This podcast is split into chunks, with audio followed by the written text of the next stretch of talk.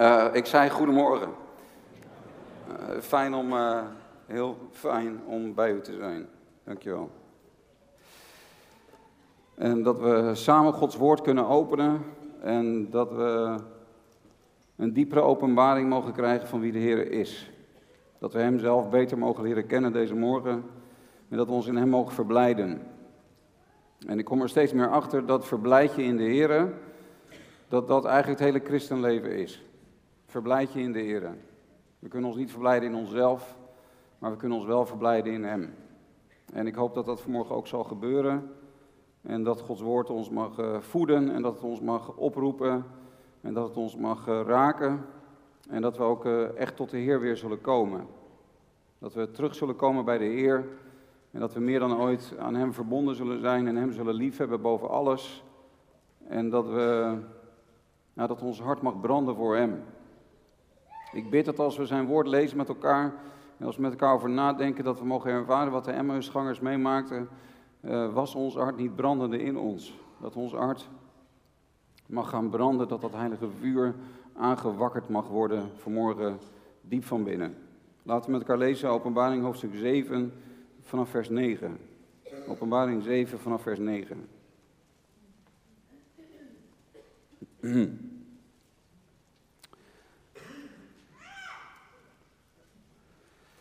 Openbaring 7 vanaf vers 9.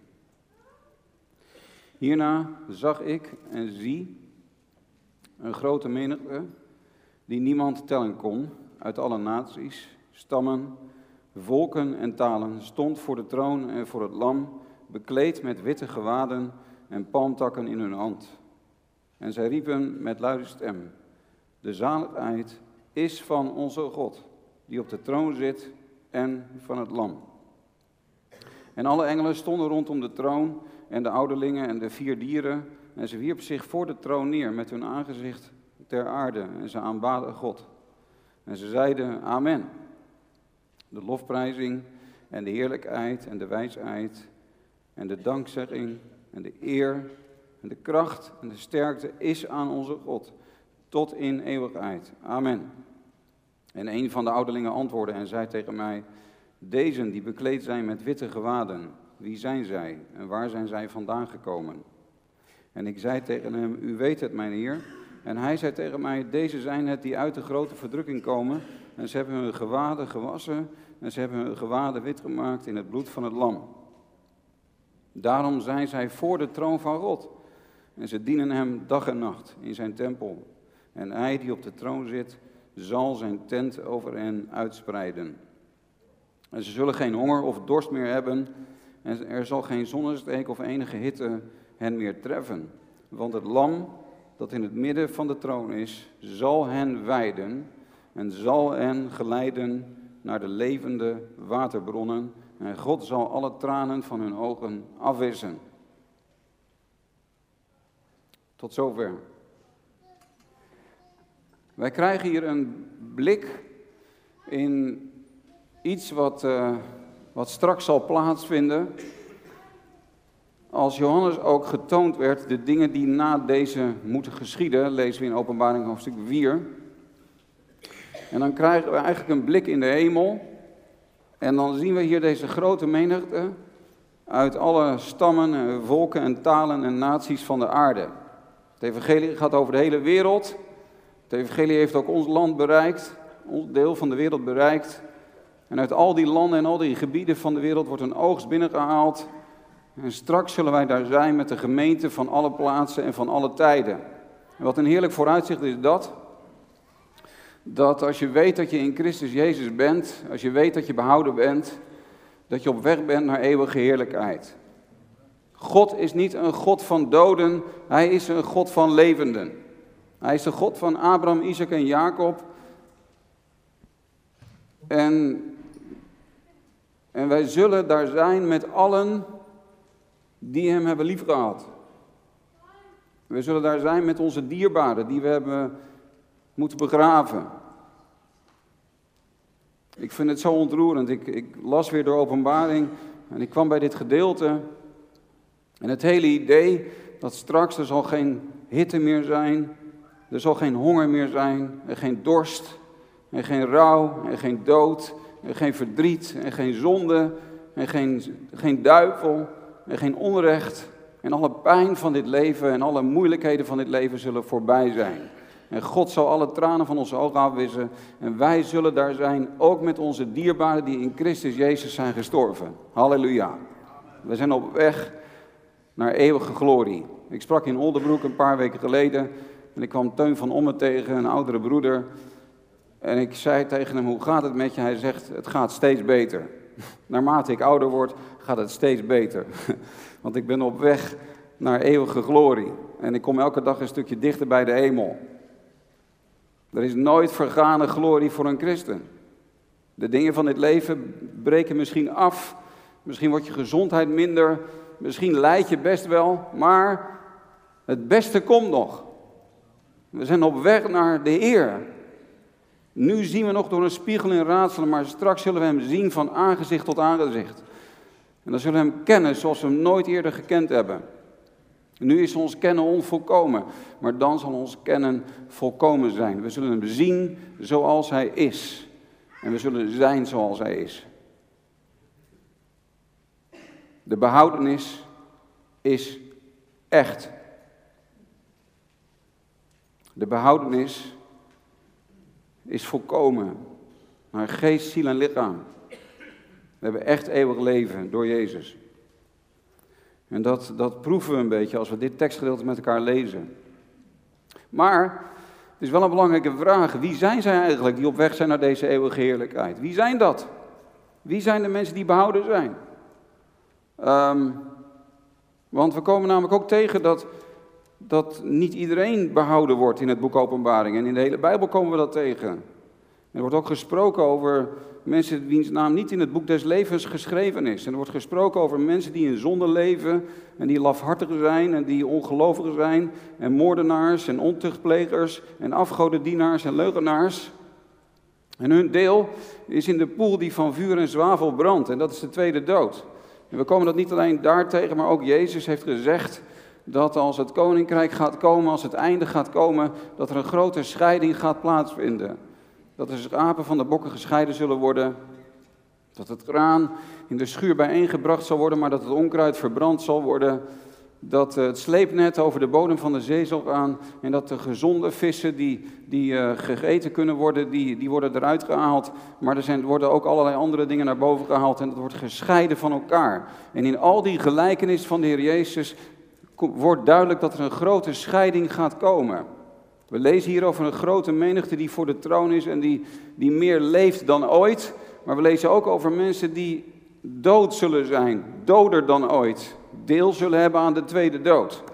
En de vraag is, wat maakt het verschil? Wat, wat kenmerkt het leven van de mensen die op weg zijn naar eeuwige glorie? Wat kenmerkt hun leven? Dat is natuurlijk een uiterst belangrijke vraag waar we vanmorgen met elkaar over willen nadenken. En ik ga proberen om drie dingen te noemen vanuit het gedeelte dat we samen hebben gelezen.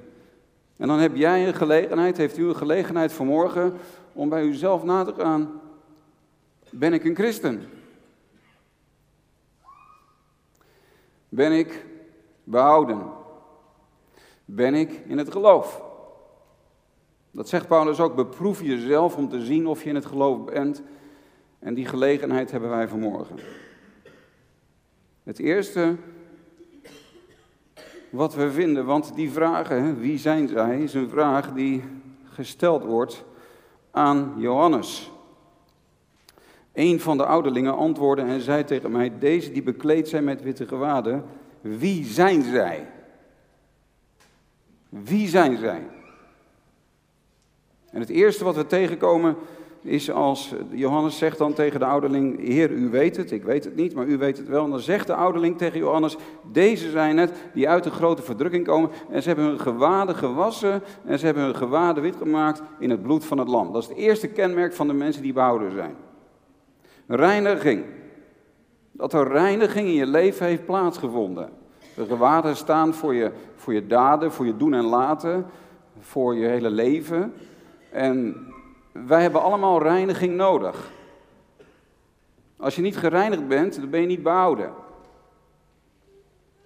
En het mooie is dat al deze mensen, deze hele menigte, Niemand van hen had geen reiniging nodig.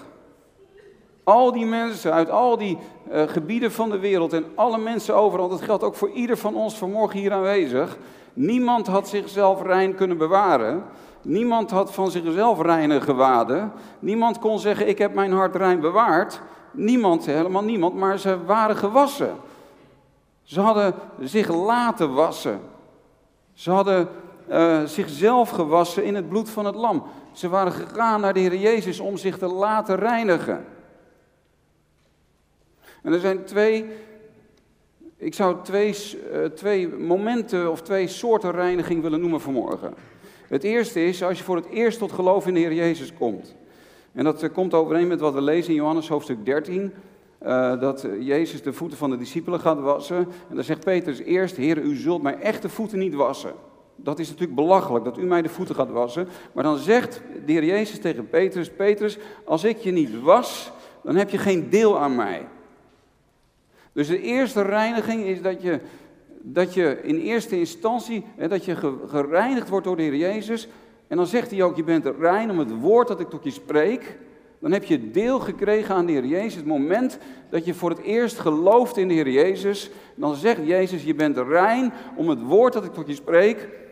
Dan verklaart God je rechtvaardig, de rechtvaardigmaking door het geloof. En dan ben je rein omdat je in Christus bent. Dan wordt je hart gereinigd door geloof. Dan worden je zonden van je afgenomen. Dan, dan wordt je schuld van je afgenomen. Dan ben je schuldvrij. En dat is de eerste reiniging. Dat is de wedergeboorte. Dat je tot Christus komt. Ben jij tot Christus gekomen? Heb je Jezus gevraagd om je te reinigen? Ben je in geloof tot Hem gekomen vanuit het besef ik heb vergeving nodig. Ik ben niet rein van mezelf. Ik dank God voor het offer van zijn zoon. Ik dank God voor het bloed van zijn zoon Jezus. En ik ga naar hem toe. En ik kniel voor hem neer. En ik, ik, ik kniel neer aan de voet van het kruis. Met een grote last op mijn schouders. Met al die schuld. Met al die onreinheid. En ik kniel neer voor de Heer Jezus. En ik roep de naam van Jezus aan. Jezus, ontferm u over mij. En reinig mij. En dan word je gereinigd. En mijn tweede is dat, dat je dan als christen door het leven gaat. Net als dat de discipelen met Jezus leefden, discipel van hem waren geworden. Maar terwijl ze over de wegen en de paden van Galilea en Judea liepen, raakten hun voeten weer verontreinigd. En dat is ook ons leven. We zijn gerechtvaardigd, we zijn rein om het woord dat Jezus tot ons sprak. We zijn kind van God geworden door genade, maar je gaat door dit leven en je wordt een keertje boos en je bent egoïstisch en je begeert en je, je hebt toch weer een soort afgod in je leven. Of je, je, je gaat de mist in of je, weet je, we zondigen, we zondigen ook nog. En dan worden je voeten weer vuil. En, Petrus zegt dan tegen Jezus, Heer, was dan mijn hele lichaam? Maar dan zegt Jezus, nee, als je gereinigd bent, als, als ik heb gezegd dat je rein bent, heb je alleen nodig dat je voeten gewassen worden. En dat is het tweede. Het tweede wat bij die reiniging hoort, we zijn gerechtvaardigd, maar we verlangen ook naar daadwerkelijke reiniging. We verlangen er ook naar dat ons leven zelf ook steeds reiner wordt. En dat we, is heel mooi, we zijn mee begonnen uit Romeinen 6. Zullen wij dan bij de zonde blijven? Nee, we blijven niet bij de zonde. We hebben een verlangen naar reiniging. Heb je een, een verlangen naar reiniging? Dat als je zondigt en als je iets hebt gedaan wat echt fout is en niemand van ons, en wie zonder zonde is, werpt de eerste steen. Niemand van ons mag een ander veroordelen, maar je weet het voor jezelf. Je weet voor jezelf waarin je gezondigd hebt maar als je christen bent, dan baal je daarvan. En dan wil je ervan af. En dan ga je weer naar de Heer Jezus toe. En dan zeg je, Heer Jezus, wilt u mij reinigen? En dan ben je bezig je gewaden te wassen in het bloed van het lam. En wat is dat ongelooflijk dat Jezus Christus, de Zoon van God, de Koning der Koningen, degene door wie alle dingen geschapen zijn, degene in wie alle dingen hun bestaan hebben, degene die was en is en komen zal, de God van deze wereld, dat hij neerknielt voor mij, een zondaar. Een afgodendienaar. Een egoïst. Dat hij neerknielt en mij de voeten wast. God, de Zoon, wast mij de voeten. Dat ik rein mag zijn. Helemaal rein. Maar dit is het eerste kenmerk van mensen die op weg zijn naar de hemel. Een diep, diep verlangen naar heiliging. En heiliging is vreugde. Reinheid is vreugde. En die vreugde wil de Heer vanmorgen geven. Je mag je vanmorgen laten reinigen. Misschien zit je hier vanmorgen wel met gedachten van zelfveroordeling. Misschien zit je hier vanmorgen met, met heel veel zelfbeklag. Je denkt, ik ben geen goede christen. Er was een onderzoek van de EO van de week dat heel veel christelijke jongeren die zeggen: Ik geloof niet goed genoeg, ik ben niet goed genoeg christen. En ik vraag me af of ik wel vervuld ben met de geest. Heel veel onzekerheid bij christelijke jongeren. Maar dan kijken we misschien een beetje te veel naar onszelf. Misschien herkent u dat wel. Misschien ben je zelfs depressief geworden, omdat je je elke keer zo schuldig voelt omdat je jezelf elke keer beklaagt en op de kop geeft. Maar er is reiniging. Er is volkomen reiniging. Ook voor jou vanmorgen. Je zonde is misschien groot. Weet je, en we weten het niet van elkaar, hè? We houden die dingen verborgen. Maar je weet het wel zelf. Misschien is je zonde wel groot. Misschien ben je vanmorgen wel naartoe gekomen met wanhoop in je hart. Misschien wel met zoiets, nou, dit is mijn laatste strohalm. Het is erop of eronder voor mij. Misschien dat er wel een hele diepe strijd gaande is in je hart. Maar het heeft ook met zonde te maken, maar wanhoop niet. Want ook al is je zonde nog groot, het bloed van Jezus is altijd veel krachtiger dan je zonde. Er is echt reiniging voor je zonde, ook vanmorgen. Je mag komen, je mag komen tot de Heer Jezus. Ik, ik, heb, ik ben net terug van een conferentie. Ik heb uh, vrijdagavond, zaterdagmorgen, gistermiddag en gisteravond vier keer voor een hele groep jongeren, honderd jongeren mogen spreken. Geweldig. Gisteravond, laat, na de laatste samenkomst. Een stel komt naar me toe. Ik zei het vanmorgen tegen Lois. We zaten in de auto. We waren aan het bidden voor deze dienst met elkaar toen we hier naartoe reden. En ik, ik zal niet snel vergeten het gezicht van dit meisje van gisteravond. Zo prachtig. Ze komen naar me toe. En ze beleiden hun zonde. En zijn in één keer volkomen open over hun zonde, hele persoonlijke dingen, hele kwetsbare dingen. En ze zeggen, we willen er van af. En ik kijk naar dat meisje en ik zie tranen van berouw. Ik zie tranen van berouw. En dat raakt, dat ontroerde mij. Het ontroerde mij zo. Wat is dat mooi. Dat mag vanmorgen ook gebeuren. Na deze dienst is gelegenheid voor een bed. En kom naar voren als je reiniging nodig hebt. Laten we met elkaar bidden. En kom tot berouw vanmorgen. En bekeer je. En je zult de kracht van het bloed van Jezus ervaren. Ze hebben hem overwonnen door het woord van hun getuigenis en het bloed van het lam. Er is overwinning voor jou door het bloed van het lam. Als je bekeert van je zonde. Het tweede wat we vinden. Wat kenmerkt het leven van de mensen die op weg zijn naar de hemel? Neem even een stokje water.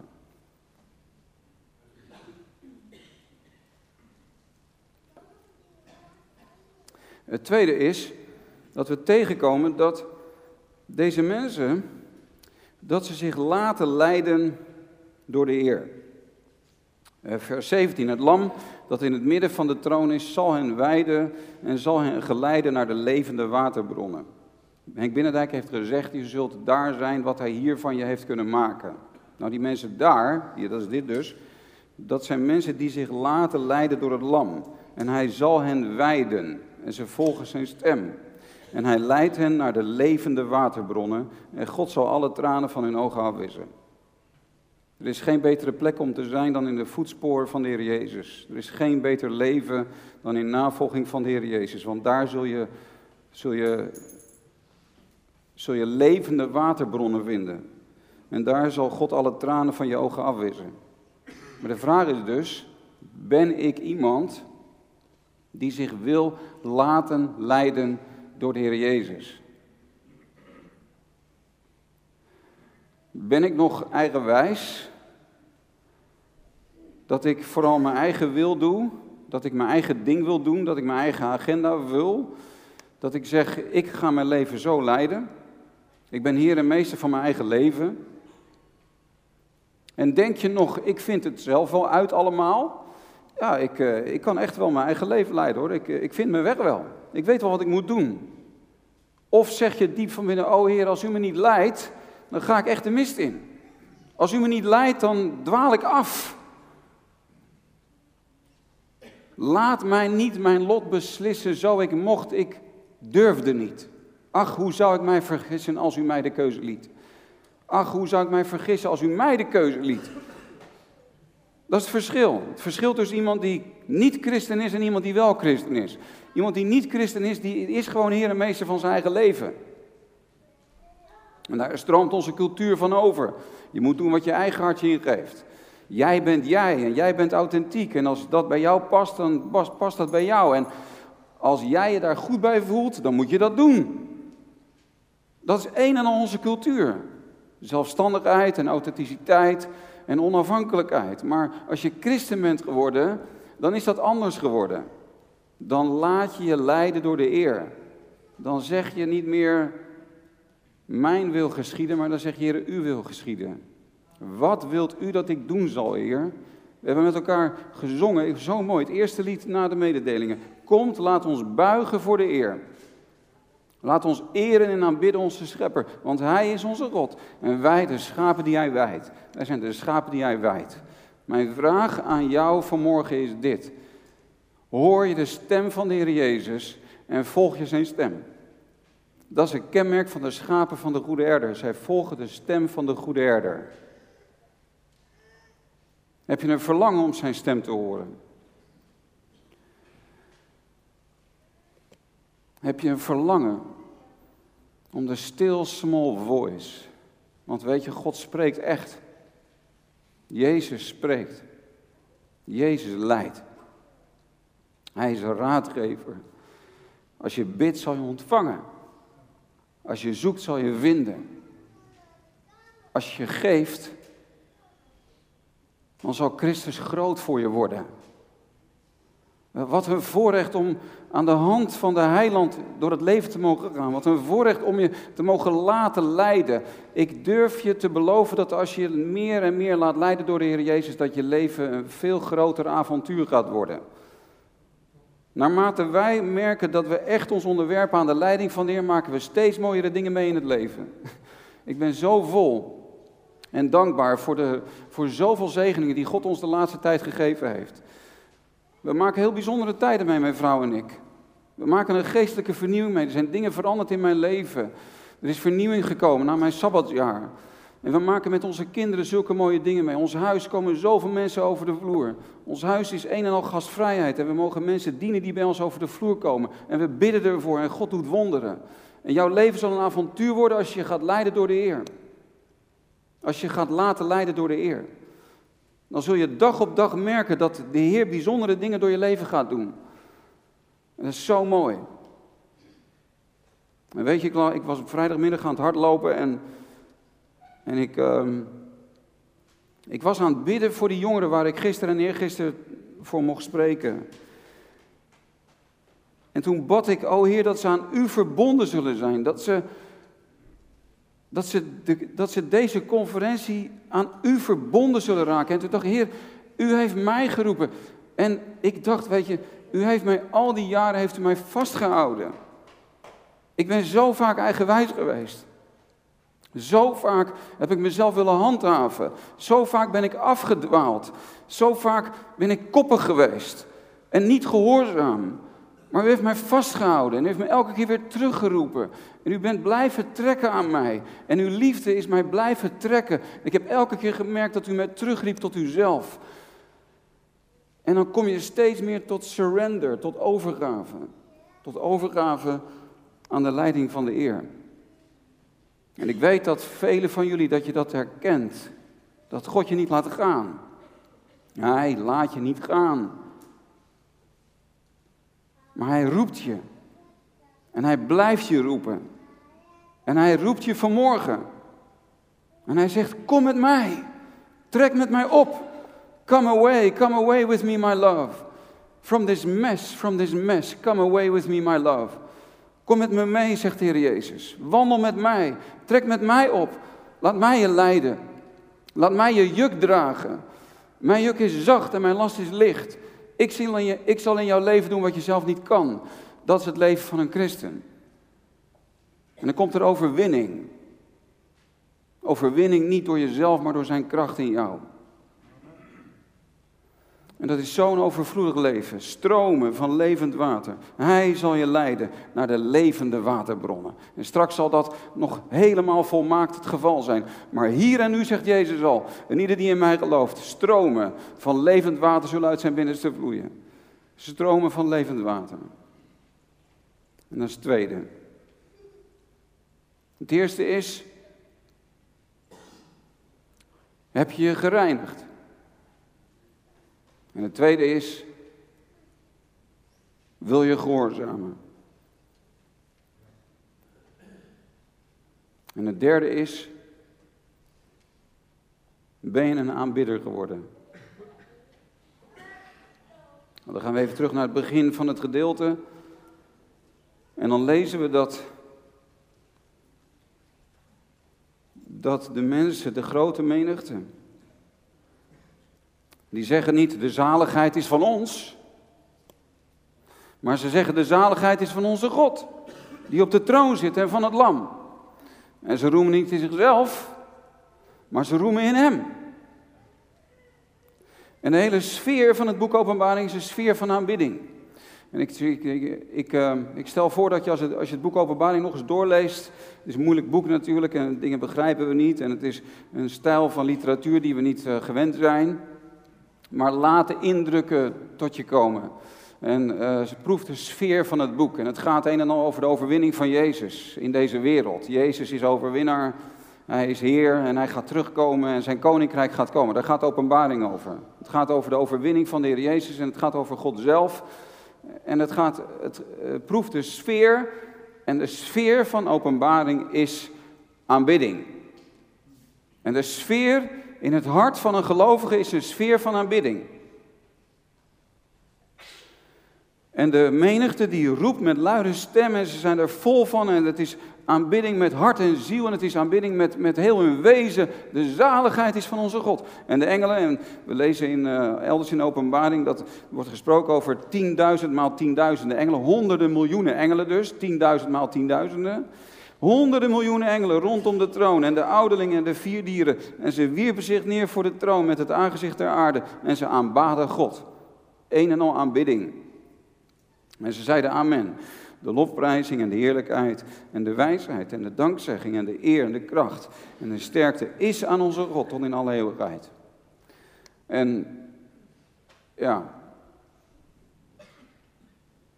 dit verschil tussen een christen en niet-christen.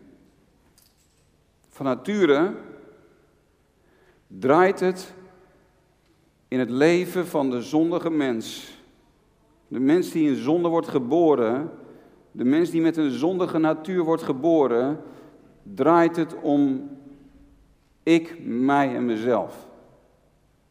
Iedereen wil hebben, iedereen wil zijn, iedereen wil worden, iedereen wil eer en meer en vergaren.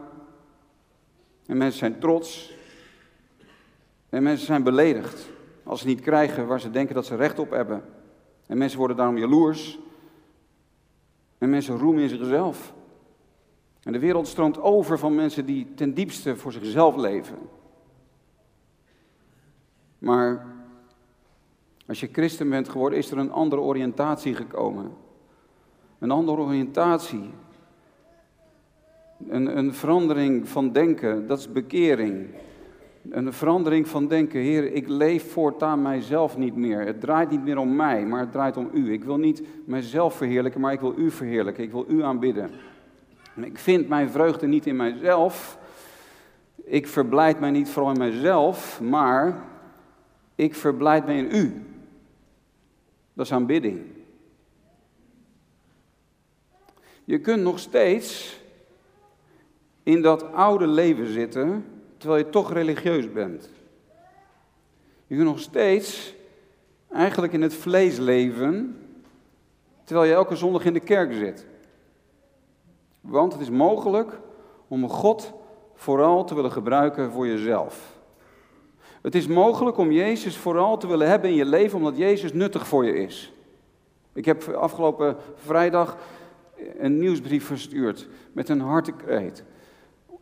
Omdat ik de laatste maanden meer dan ooit ben gaan zien dat, het, dat veel van ons christendom veel te mensgericht is geworden. We zijn eigenlijk ongelooflijk beïnvloed door de cultuur om ons heen, waarin het allemaal draait om zelfontplooiing en zelfaanvaarding en zelf, uh, uh, zelfverwezenlijking en al die dingen die ik al eerder noemde. Daar zijn we ongelooflijk mee beïnvloed. En zo langzamerhand zien we heel veel geloofsbeleving, ook in evangelische kringen in Nederland, in christelijk Nederland, in, in heel veel van christendom in de wereld vandaag de dag, als gevolg van de moderne cultuur, dat er een ongelooflijk mensgericht evangelie is gekomen. Dat vooral gesproken wordt over, over wat het ons allemaal oplevert. Heel veel wordt gesproken over de noden van mensen. Heel veel wordt gesproken over zo zal die nood geledigd worden en zo zal die nood geledigd worden. En dit is wat God wil doen en dat is wat God wil doen.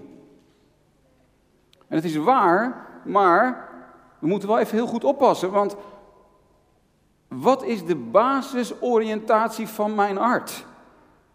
Wat is de basismotief van binnen waarom ik christen wil zijn, waarom ik, God wil, waarom ik bij God wil horen?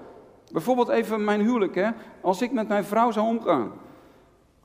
Zo van, ik kom thuis, eh, eind van de dag, en ik zeg,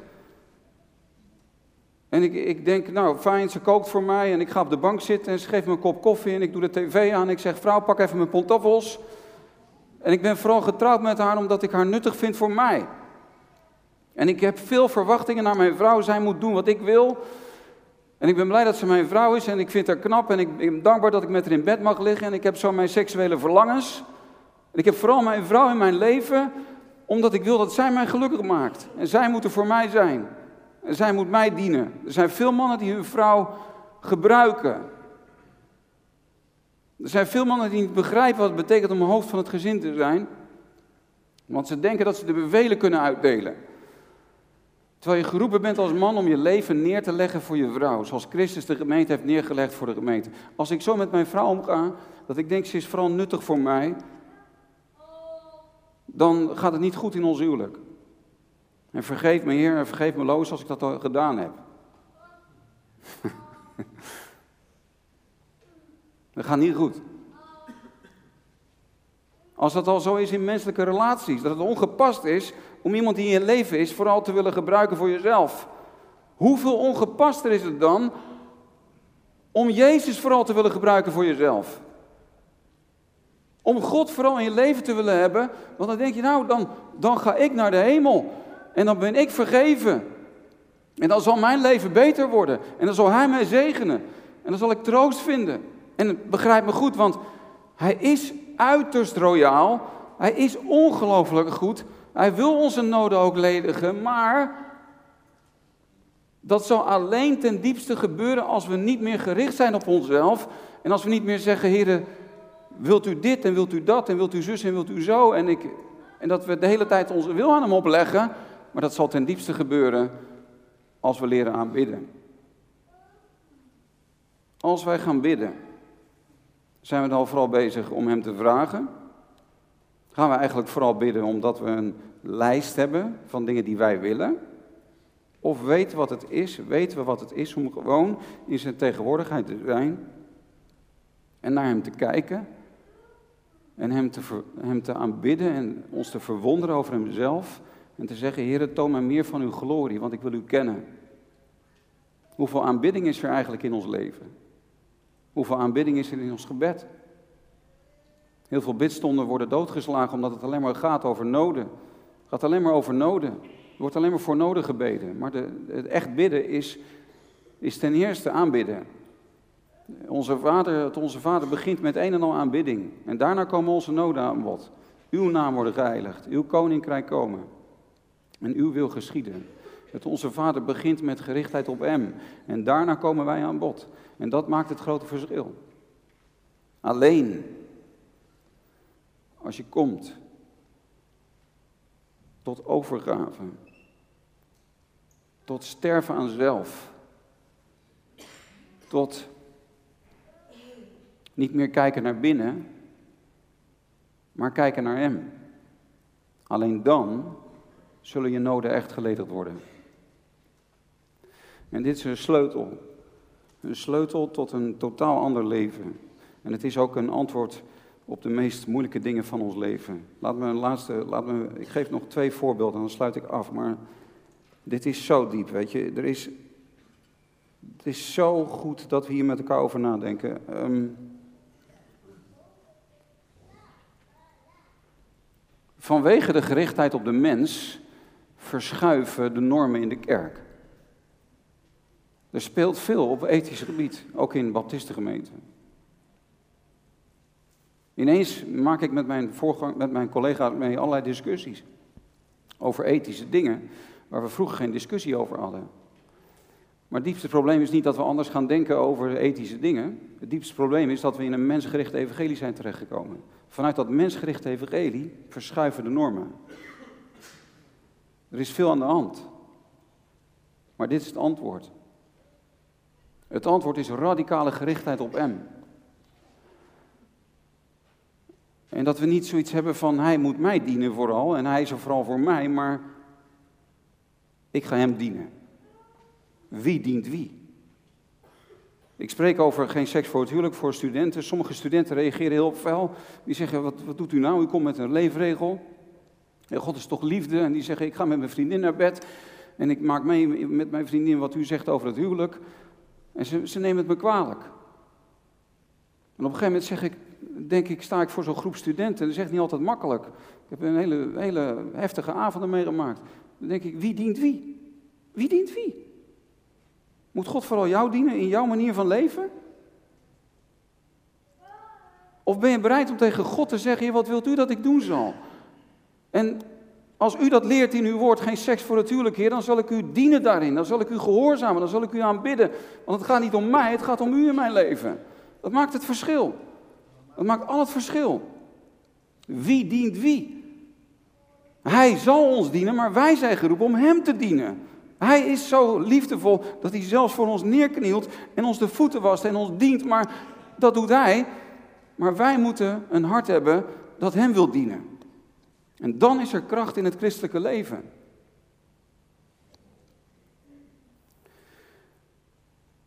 Ik geef nog een voorbeeld uit een preek van John Piper. Um, John Piper vertelt.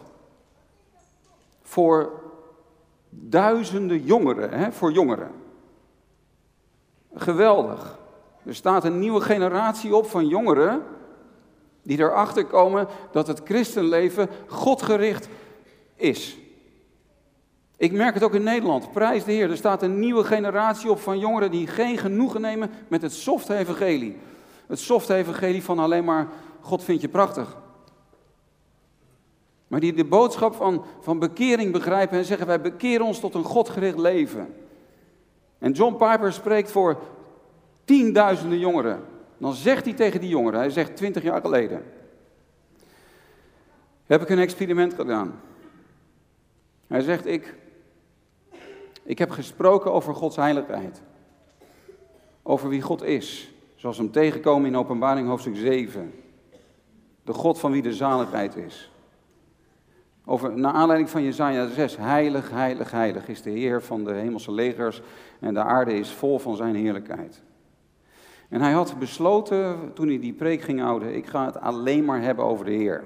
Alleen maar over Hem. Ik ga niks zeggen over ons, niks over de mens, niks over toepassing, niks over hoe dat doorvertaalt naar ons leven. En niks over wat wij ermee moeten. Een preek zonder toepassing. En hij heeft drie kwartier lang alleen maar gesproken over de Heer. En op de, de manier waarop hij dat kan, een ongelofelijke gave die hij heeft om, om, om ook te prediken. En, en met veel liefde en met veel blijdschap heeft hij over de Heer gepreekt. En heeft hij, met, heeft hij Jezaja 6 uitgelegd. De glorie van God, de heiligheid van God, wie God is. Alleen maar over God.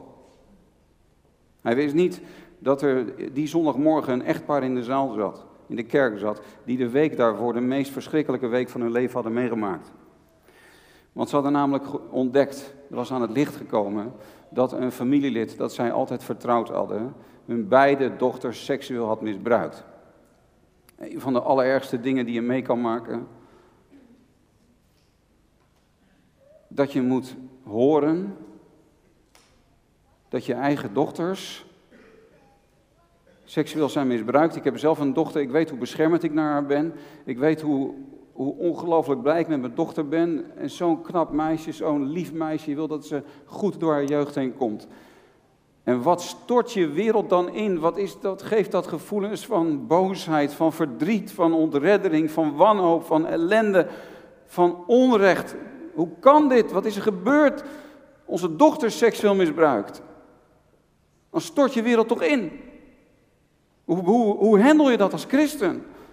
Een vertrouwd familielid die dit gedaan heeft. En drie maanden later spraken ze met, sprak John Piper weer met deze mensen. En die vroeg aan ze, hoe gaat het met jullie? En toen zeiden ze, we hebben de moeilijkste maanden van ons leven, de afgelopen drie maanden sinds, dit, sinds we dit weten, zo moeilijk. Maar, zei die man, Pastor John, er is één ding wat ons er de afgelopen maanden bovenop heeft gehouden. En dat is de preek die je gehouden hebt over de heiligheid van God. Dat heeft ons er bovenop gehouden. Als al het andere wankelt. Als je het gevoel hebt dat de grond onder je voeten wegzakt, is dat ten diepste niet zo. Want God is wie Hij is. God is God. En Hij zelf, wie Hij is, is het fundament van ons leven. Ondanks alles. Johannes zit op Patmos. Johannes moet dwangarbeid verrichten. Johannes is een gevangene. Eh, de apostelen zijn bijna allemaal uh, de, de marteldood gestorven. Ondanks dat alles. Johannes kreeg op Patmos een openbaring van wie God is. Hij werd meegenomen in geestvervoering en hij werd, uh, hij werd de ogen geopend en hij zag. En hij zag een troon die in de hemel stond en op die troon stond iemand. En daarmee is alles gezegd. Hij zag iemand.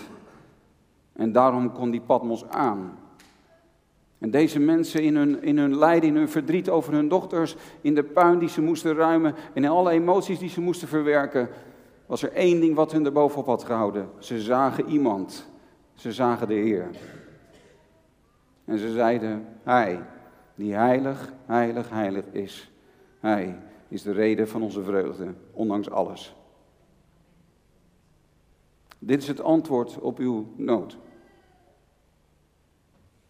Het antwoord op uw nood is Jezus zelf. Is God. U kunt zich niet verblijden in een vlekkeloos leven.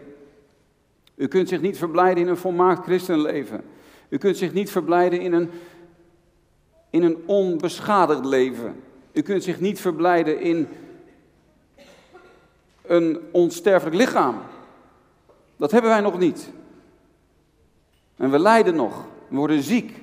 En we zullen sterven. Tenzij we de wederkomst van de Heer meemaken. Maar we kunnen ons niet verblijden in de dingen van dit leven. Maar er is wel een andere reden waarom wij ons vanmorgen volledig, volmaakt kunnen verblijden. En dat is God zelf. Dat Hij heilig, heilig, heilig is. En dat is het derde. Het eerste is reiniging. Het tweede is gehoorzaamheid. En het derde is aanbidding. Dat kenmerkt het leven van een christen. Bent u in het geloof? Zijn wij in het geloof? Als je nu de conclusie trekt dat het niet zo is, dan is dit de dag van het eil. Dan is dit de dag dat jouw leven radicaal anders kan worden. Dat je je mag bekeren vanmorgen. Dat je mag komen tot de Heer. Hij roept je. Hij roept je. Wij zijn in een enorme geestelijke strijd betrokken. Er speelt zich een gigantische strijd af voor de zielen van de mens. We zijn ons vaak veel te weinig bewust van die geestelijke strijd. De dingen die ik genoemd heb in deze preek, een mensgericht evangelie, uh, zonde en de, en, en de verleiding tot zonde en ongehoorzaamheid en, en al die pijn en, en die, dat, die, die schade die we oplopen in het leven, al die dingen die ik genoemd heb, hebben ook allemaal te maken met geestelijke strijd. Onze strijd is niet tegen vlees en bloed, maar tegen overheden en macht in hemelse gewesten. En weet je, wij hebben geestelijk gezag nodig in die strijd. Iedere christen is geroepen tot geestelijk gezag. Doordat Christus in je leeft. De zonen van Skefas, die proberen op een gegeven moment demonen uit te drijven. Omdat ze gehoord hebben dat de apostelen in de naam van Jezus demonen uitdrijven. En dan gaan ze dat bij iemand die bezeten is, gaan ze proberen in de naam van Jezus die demonen uit te drijven. Maar dat gaat helemaal mis. Die man die overweldigt hen. En die, die, die valt hen aan en die, die, die trekt hun zelfs de kleren van het lijf. En dan moeten ze zelfs naakt wegrennen. Dat is een fiasco. Waarom? Dan zeggen de demonen notabene, die zeggen, Jezus kennen wij en Paulus kennen wij. Maar wie zijn jullie? Die mensen hadden geen geestelijk gezag. Het opvallende is dat ze niet alleen zeggen Jezus kennen wij, maar ze zeggen ook Paulus kennen wij. Met andere woorden, niet alleen Jezus had gezag over de boze geesten, maar ook Paulus had gezag over de boze geesten. Paulus was vervuld met Christus. Paulus was vervuld met de geest, terwijl hij een moordenaar geweest was. Hij was een heel zondig leven geleid, maar hij was nu vervuld met de geest. En hij had invloed op het rijk van de boze. Waar hij kwam, week de duisternis. Maar die zonen van Skefas, die hadden helemaal geen geestelijk gezag. Er was helemaal geen overwinning door hen. Waarom? Omdat ze niet gereinigd waren. Omdat ze niet gehoorzaam waren. Omdat ze geen aanbidders waren. Omdat ze niet in het geloof waren. Het maakt zoveel verschil. Er is een lijn. Een lijn van gehoorzaamheid. En zolang je aan de ene kant van die lijn blijft, zal er geen overwinning zijn. Zal je een, een miserabel christenleven leiden. Zal je niet gaan van heerlijkheid tot heerlijkheid, maar van klacht tot klacht. Zal je blijven struikelen. Is er geen overwinning over de boze. En die strijd is reëel, mensen, die strijd is reëel. Maar als je vanmorgen beslist om over die lijn te gaan. En je over te geven aan Jezus en te zeggen, Heer Jezus, hier ben ik. Ik geef me gewonnen. Heer Jezus, u heeft mij gekocht en betaald met uw bloed. Ik ben van u en je neemt de beslissing vanmorgen om, om je leven op het altaar te leggen. Het evangelie is een boodschap van kruisdragen en zelfverloochening. Vanmorgen kom je, Jezus zegt, als je niet bereid bent je leven te verliezen, dagelijks te sterven, je kruis op je te nemen, te sterven aan dat oude leven, ben je mij niet waardig. Het is alles of niets. Als je vanmorgen de beslissing neemt om over die lijn te komen, dan zal je geestelijk gezag gaan meemaken. En dan zal je merken dat dingen anders worden. Dat de boze wijkt dat er overwinning komt in de geestelijke strijd. Dat je de zonde gaat overwinnen. Dat je kanaal van Gods zegen wordt. Dat je echt, dat Jezus meer en meer werkelijkheid voor je zal worden. Dat je Hem meer en meer zult aanbidden. Dat je blijer en blijer met Hem zult worden. En dat je Zijn machtige daden en werken in je leven zult gaan bemerken. De keuze is aan jou. Laten we samen bidden. En wil u naar voren komen, dan kunnen we gelijk daarna ook zingen.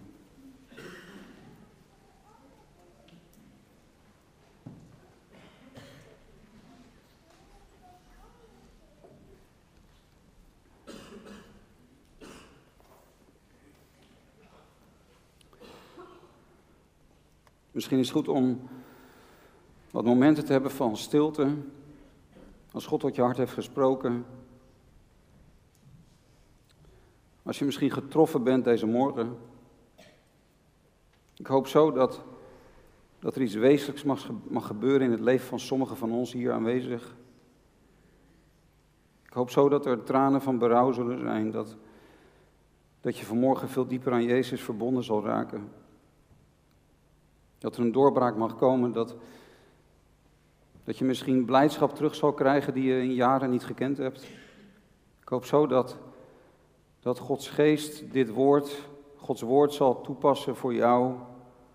En dat je vanmorgen zal weten dat dit, dit, dit het is wat God tegen je zegt. En dat je ook antwoord geeft op dat woord. En dat je zegt, ik kom, Heer, ik kom tot u. Heer, dank u wel dat we hier mogen zijn, dat we in uw tegenwoordigheid mogen zijn, dat we mogen genieten van uw woord, dat we mogen genieten van uzelf. Heer, dank u wel dat we, dat we mogen ervaren dat het niet is door kracht of door geweld van onszelf, maar dat het is door de kracht van uw geest. En dat u in ons leven kunt doen wat, wat zelf voor ons onmogelijk is om te doen. Dank u wel, Heer, dat u ook kunt genezen vanmorgen. Dat als we ons echt willen bekeren, dat er ook genezing zal zijn. Genezing van emoties, genezing van ons hart, genezing van ons lichaam. Dat u hier vanmorgen bent als de Heer die ons geneest, als we bereid zijn ons te bekeren. Als we bereid zijn om ons helemaal over te geven. Heer, dank u wel dat we gewoon met elkaar mogen knielen aan de voet van het kruis. Want niemand van ons is beter dan een ander. Niemand van ons heeft te veel gezondigd. Niemand van ons is, uh, kan zichzelf op de borst slaan en zeggen: Ik heb het goed gedaan. We hebben allemaal die reiniging nodig. Maar dank u wel dat u hier bent om ons dat te geven. Heer, dank u wel dat we terug mogen keren naar u. Laten we terugkeren naar de Heer.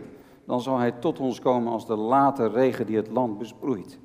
Dank u wel dat u ook in deze gemeente een late regen wilt geven. Dat u ook in deze gemeente een nieuwe uitstorting van uw Heilige Geest wilt schenken. Dat dingen nieuw mogen worden, ook hier. Heer, dank u wel dat u hier bent. En dat we tot u mogen naderen. Dat we u mogen aanbidden. In waarheid en in geest. Ontvang onze lof en onze dank. Halleluja. We gaan samen dat lied zingen wat we geleerd is. En laat dat staan met elkaar zingen als een loflied voor de Heer.